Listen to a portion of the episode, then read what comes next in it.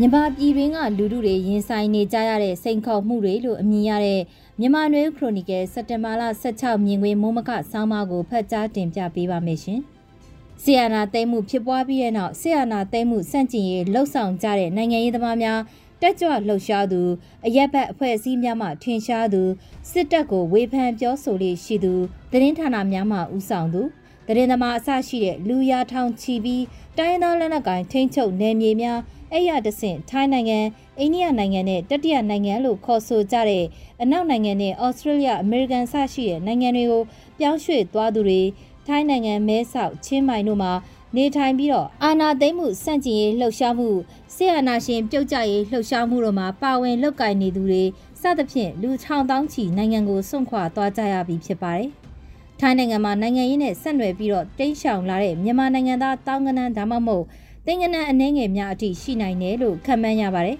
။တိုင်းသားလက်နက်ကိုင်အဖွဲ့ထိန်းချုပ်နေမြေတဲ့နေထိုင်နေကြသူထောင်ကနန်းများရှိနိုင်တယ်လို့ခန့်မှန်းရပါတယ်။နေဆက်တွေမှာအိန္ဒိချင်းနိုင်ငံတွေမှာထွက်ပြေးတိမ်းရှောင်နေထိုင်ရသူတွေတောင်ကနန်းကနေတင်ကနန်းအထိရှိနိုင်ပြီးကြံလူဦးရေတန်း90ကျော်ကတော့ပြည်တွင်းမှာစစ်ကောင်စီကိုထောက်ခံသူတွေကြန့်ခိုင်ရေးပါတီကိုထောက်ခံသူတွေ အစွန်းရောက်တဲ့အမျိုးဘာသာသာသနာအယူအဆရှိသူတွေနဲ့စစ်ကောင်စီအုပ်ချုပ်ရေးရန်နေရလက်နက်ကင်အဖွဲ့တွေက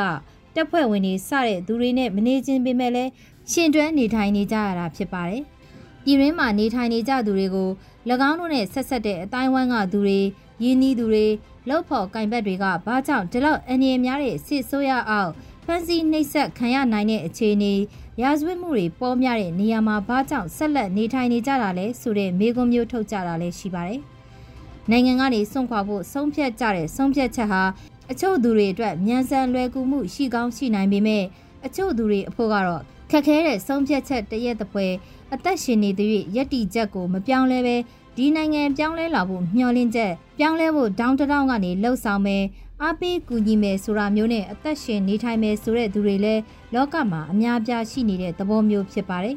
။မိသားစုအတိုင်းဝိုင်းကိုစွန့်ခွာဖို့ခက်ခဲတာအသက်အရွယ်ကြီးနေပြီဖြစ်တဲ့မိဘတွေကိုခွဲထားခဲ့ဖို့ခက်ခဲတာ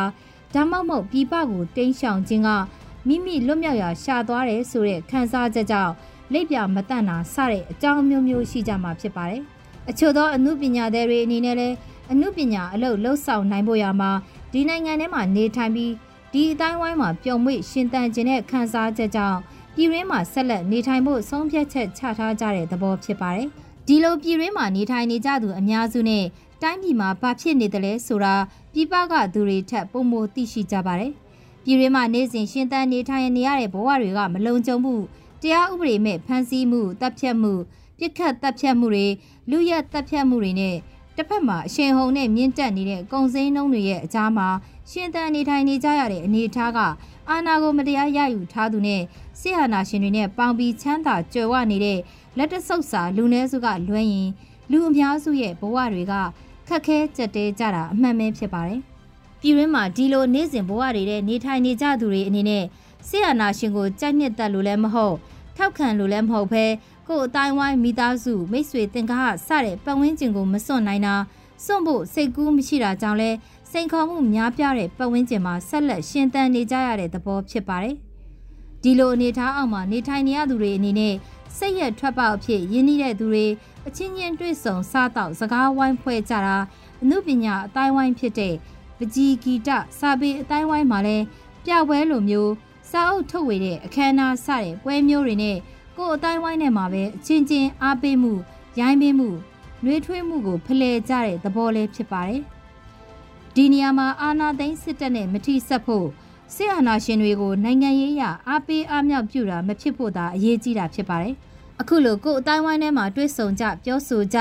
အားပေးကြတာကိုပြည်ပကအတိုင်းဝိုင်းနေအနေနဲ့ပြည်ရင်းကသူတွေစစ်အာဏာရှင်အုပ်ချုပ်မှုအောက်မှာပုံမှန်ဘဝရောက်နေတယ်လို့အသိပဲမကောက်ယူမိဖို့လည်းအရေးကြီးပါတယ်။ ကြောက်ရောက်နိုင်တဲ့အန္တရာယ်အမျိုးမျိုးကြားမှာဆရာနာရှင်စနစ်ကိုထောက်ခံခြင်းပူးပေါင်းခြင်းမပြုဘဲရှင်သန်နေထိုင်ဖို့အင်အားပိုလိုအပ်တာအမှန်ပဲဖြစ်ပါတယ်။ဒီအင်အားတွေကိုပြည်သူတွေလွတ်လပ်တဲ့အမှုပညာသည်တွေ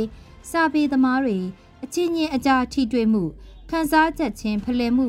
စိတ်အားဖြင့်ရုပ်ဝတ္ထုအားဖြင့်အားပေးကူညီမှုတွေလှုပ်ဆောင်ကြခြင်းအားဖြင့်ရင်ဆိုင်ကြော်ဖြတ်ဖို့ခွန်အားတွေရလာကြမဲ့သဘောလေးဖြစ်ပါတယ်။တိုင်းပြည်ပြည်ပရောက်နေသူတွေအနေနဲ့ ပြည်ရင်းကမိတ်ဆွေတွေလှုပ်ဖို့ကင်ဘက်တွေရက်တီချက်မပြောင်းလဲတဲ့နိုင်ငံရေးသမားတွေ